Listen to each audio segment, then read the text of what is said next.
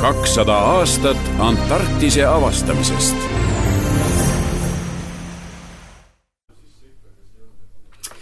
kolmkümmend üks august kaks tuhat üheksateist. admiral Bellingshausen on äh,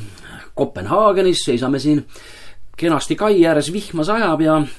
ja ongi paras aeg rääkida Meremuuseumi teaduri Felix Korniševiga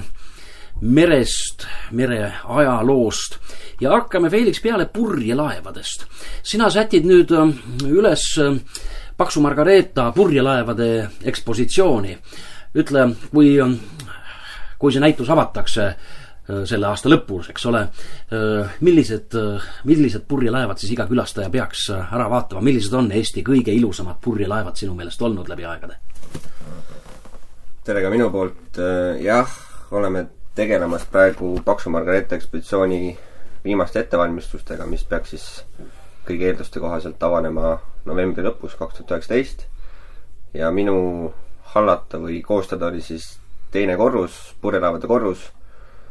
kus tulevad käsitlusele laiemalt kolm teemat, on merekaubandus, laevaehitus ja meremehe eluolu purjelaevadel. nüüd, kui rääkida võib-olla sellistest äh, ajalukku läinud purjelaevadest, siis kindlasti kaks tükki äh, tõusevad siin esile, on purjelaev Hiiumaa, mis siis esimese Eestis ehitatud laevana purjetas ümber Kap Horni neeme ja teine võib-olla on siis Tormilind, mis siis esimese Eesti lipu all sõitva laevana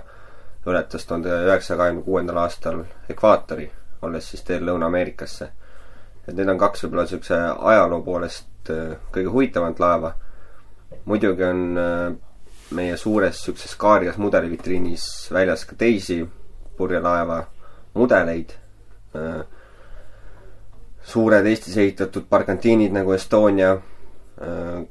kindlasti veel ajalukku läinud laev Jaentäär, mis siis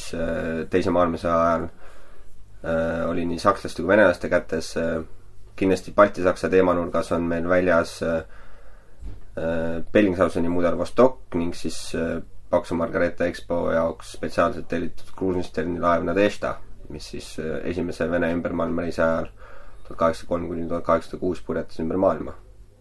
et need võib-olla on minu jaoks sellised laevad, mis nagu välja paistavad teiste hulgast no sa rääkisid nagu tüüpiline ajaloolane, eks ole, et mille, millistel laevadel on ajalooline taust kõige olulisem. aga puhtalt nagu e-, purjelaeva mina, mina vaataks praegu nii-öelda e esteedi pilguga. kas, kas see, see lause, et, tormilind on olnud Eesti kõige ilusam purjelaev, kas see, kas see sinu arvates ka paika peaks? no nii on väidetud jah, et tormilind on laev, mis isegi välissadamates püüdis pilku oma ilusa käilakujuga, mis siis veel tollel ajal noh, tegelikult enam ei olnud juba nii, niivõrd äh, levinud või see traditsioon hakkas nagu hääbuma selleks ajaks juba. aga minu jaoks võib-olla niisugused kõige ilusamad või noh, sümboolsemad äh, laevad on ikkagi väiksed kaljased, kahemastilised kahvelkuunerid, mis oli Eestis ühed tüüpilisemad laevad. ning äh, noh, võib-olla need on ka võib-olla kõige paslikum võrrelda siin admiral Bellingshausen'i, mis on ketš, noh, iseenesest kahemastiline kahvel purjedega et äh, minu jaoks need kaljased on siuksed äh, kõige ilusamad ja südamelähedasemad, et äh, ja ma, ma selle ilu pärast või, või ilu, ilust tahtsingi ju rääkida, sellepärast et tahtsin juttu viia nüüd meie admiral Bellingshauseni peale, mis, mis on ka üks äraütlemata ilus, ilus laev ja siin Kopenhaagenis me nägime jälle, kui palju inimesi tulid lihtsalt vaatama teda kui, kui ilusat laeva ja siis avastasid veel, et, et lisaks on tal põnev lugu, me oleme siia välja pannud ühe kunstiteose. Mari Hunt on, on loonud installatsiooni Valge vaip, mis siis kujutab polaaralasid ja see, see valge vaip katab kogu seda meie laeva esist kaid, nii et inimesed peavad siis oma rohkem või vähem poriste või mustade jalgadega sellest valgest vaibast üle minema ja, ja, ja siis vaatame, kuidas, kuidas inim, inimtegevus mõjutab äh, valget vaipa sümboolselt siis äh, Antarktikat ja, ja, ja, ja Arktikat ja, ja tulebki öelda jah, et see installatsioon on ka meie laevale väga palju tähelepanu tõmmanud. aga läheme edasi sinu uurimisvaldkondadega. sa oled tegelenud äh, baltisakslaste rolliga Eesti äh, teaduse ja merenduse ajaloos, mis, mis, mis, mis valdkonnad seal sulle kõige rohkem huvi on pakkunud? no läheks võib-olla natukene ajas tagasi, et paralleelselt sellega, kui ma Meremuuseumisse tööle asusin, astusin ma ka Tartu Ülikoolis doktorantuuri, kus minu uurimisteemaks on Balti-Saksa diplomaadid üheksateistkümnenda sajandi alguses, ehk siis see tegelikult kattub laias laastus Krusensteini ja Bellingshauseni ajastuga. et minu jaoks see Balti-Saksuse küsimus üldiselt on selline väga huvitav, et, et mitte ainult meresõidu või teadusajaloo poole pealt, aga just nagu selle koha pealt, et vaadata noh, et kuidas tegelikult Eestis sündinud mehed teenisid Vene keisririiki niivõrd erinevates valdkondades, et noh, siin võib-olla kõige sellisem äh, tavalisem oli sõjavägi, eks ole, aga just kui sa vaatad, et äh, noh, Tallinnas sündinud mees, üks diplomaat, Gustav Ernst von Stackelberg näiteks teenis Vene keisririiki nii nii Berliinis kui ka Viinis kui ka Itaalias ja, ja mujalgi, ehk siis tegelikult äh, mis minu jaoks siin baltisakslaste puhul võib-olla kõige äh,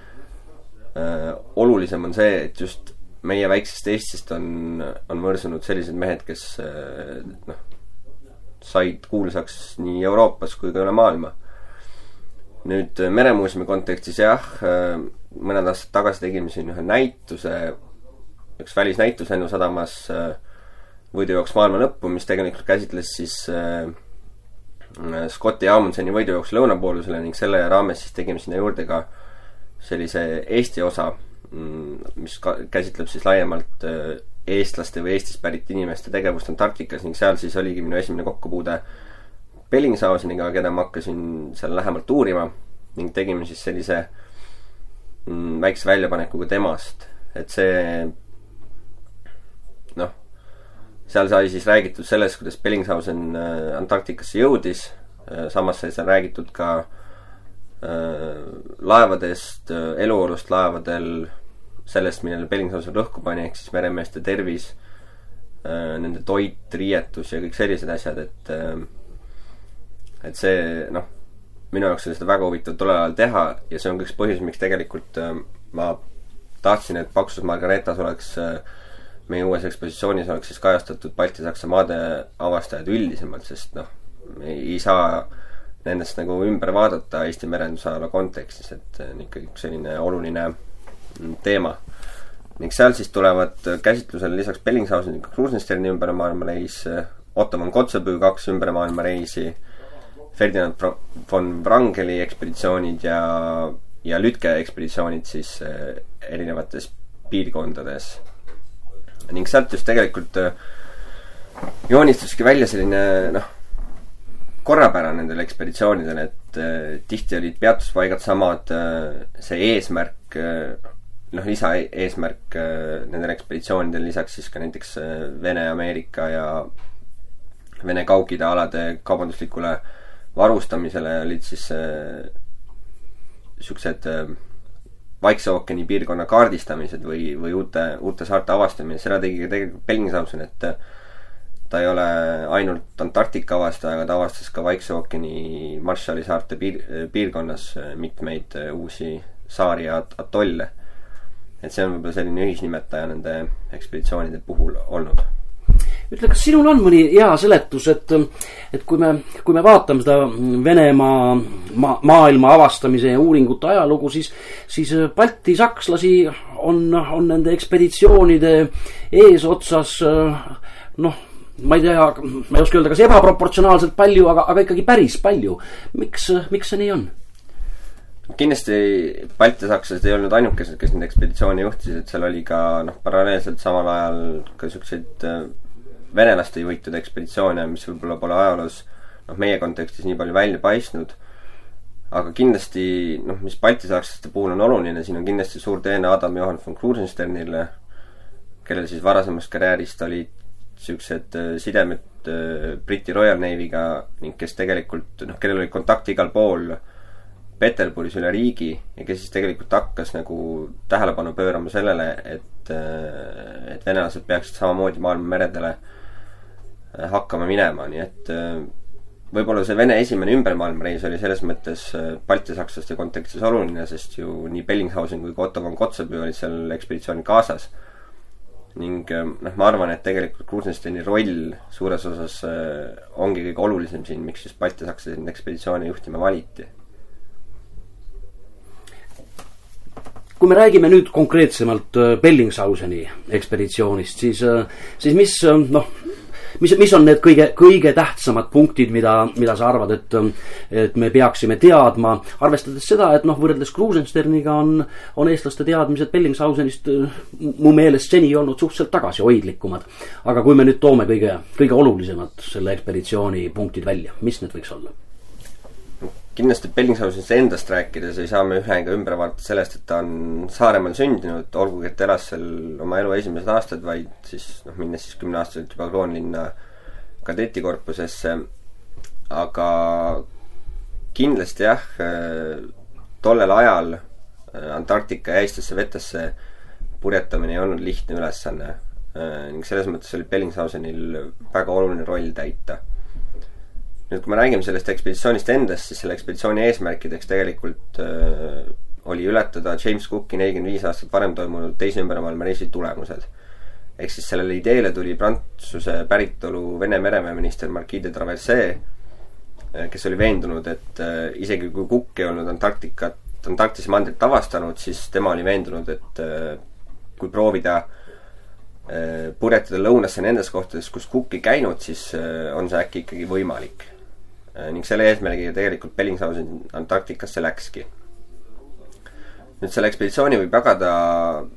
kaheks hooajaks või kaheks osaks. esimene hooaeg siis, äh, mis toimus äh, tuhat kaheksasada üheksateist kuni kakskümmend, kui, kui lahkuti Rio de Janeirost ning võeti suund Sydneyle. ning selle esimese hooaja jooksul tehti siis kolm katset pöörduda nii-öelda lõunapooluse suunas. ning seal siis paistavadki tegelikult silma kaks esimest katset, kakskümmend kaheksa jaanuar ja seitseteist veebruar, mida siis on peetud äh, nendeks kuupäevadeks, kui, äh, kui Bellingshausen silmas Antarktise mandrit, et äh, noh, eks need ajaloolased või uurijad, kes seda tagantjärgi nagu on uurinud seda retke lähemalt äh, ei ole siiani ühel arvamusel selle koha pealt, äh, kes ütleb, et tegelikult äh, Antarktise mandri avastaja on äh, hoopis Edward Bransfield kolmekümnendal jaanuaril tuhat kaheksasada kakskümmend. tema, tema nägi siis, dateeris väga selgelt Antarktika poolsaare, eks ole. Antarktika poolsaare oli tema jah. Aga, aga ikkagi need hilisemad sellised noh, Bellingshauseni jääkirjeldused ja, ja jääteooria võidukäik üheksateistkümnenda sajandi lõpus, mis, mis tegelikult ütles, et manner võib koosneda jääst, on, on sinna üheks Antarktise avastajaks liigitanud ka Bellingshauseni, et see on tegelikult väga oluline, oluline daatum siis see kahekümne kaheksas jaanuar ja, ja ka seitsmeteistkümnes veebruar tegelikult mõlemad, et noh, just see jää kirjeldamise koha pealt on see hilisemas uuringus väga palju juurde andnud. nüüd kui lõunapoolkera selline talveperiood äh, kasutati ära, et, et puhata Sydneys ja teha neid avastusi Vaikses ookeanis, mida ma ka ennist mainisin. siis teine hooaeg, äh, mis algas siis tuhande kaheksasaja kahekümne aasta novembris ja, ja kestis selle tuhande kaheksasaja kahekümne esimese aasta jaanuarini välja, siis seal kõige olulisemaks avastusteks olid äh, Peeter Esimese saar ja Aleksander Esimese rannik, see hiljem nimetati Aleksander Esimese saareks ümber. Et need siis olid vastavalt kakskümmend kaks jaanuar tuhat kaheksasada kakskümmend üks ning siis kakskümmend kaheksa jaanuar tuhat kaheksasada kakskümmend üks, ehk siis täpselt aasta pärast seda, kui Bellingshausen äh, Antarktist esimest korda silmas. Mm, noh, nemad ise muidugi, tulles siis tagasi pärast seitsmekümne viie, seitsmesaja viiekümne kahe päeva pikkust reisi Kroonlinna, arvasid, et nad ei olnud äh, Antarktise mandrit avastanud, nende jaoks olid tegelikult kõige olus-, olulisemateks avastusteks just need kaks äh, saart, Peeter Esimese ja Aleksander Esimese saart ning äh, noh, see, kui nad nägid äh, noh, esimesed nii kaugel lõunas avastatud maad, et see rõõm oli neil tohutu, et, äh, et nad ikkagi selles mõttes pidasid ise seda ekspeditsiooni ka korda läinuks. aga, aga kui me räägime nüüd selle ekspeditsiooni retseptsioonist, mismoodi see siin läbi, läbi kahesaja aasta on, on liikunud?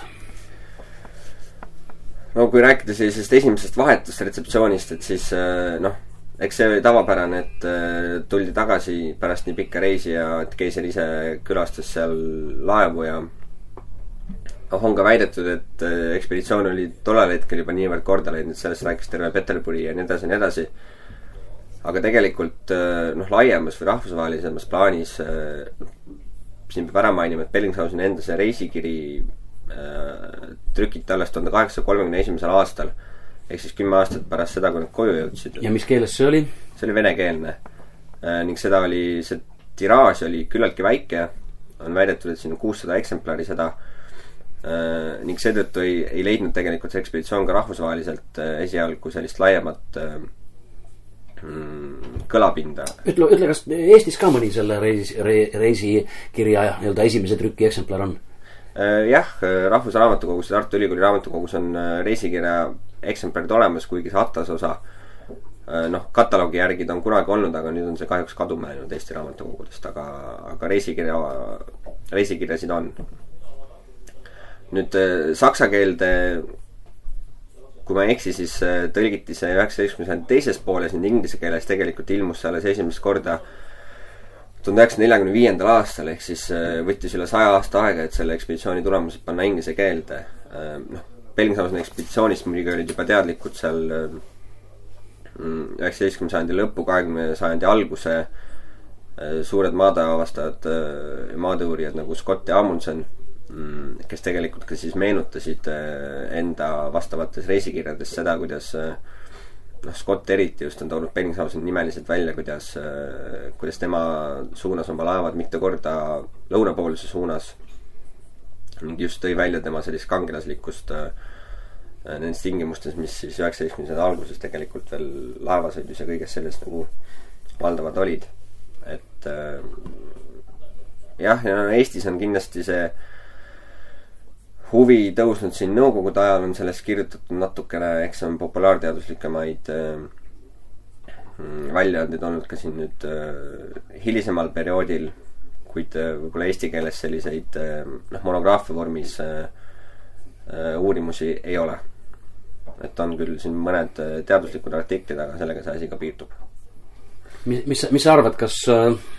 kas Bellingshausen äh, on nii palju huvitav ja, ja kas tema kohta võiks leida veel põnevat materjali, et, äh, et eesti keeles ka kunagi üks monograafia ilmuks? Äh, ma julgeks pakkuda, et tegelikult eesti keeles võiks ilmuda küll temast raamat, aga see võiks olla tõlkiraamat, sellepärast et inglise keeles on kirjutatud mõned aastad tagasi ühe inglise uurija Rick Berkeley poolt minu arust väga ammendav uurimus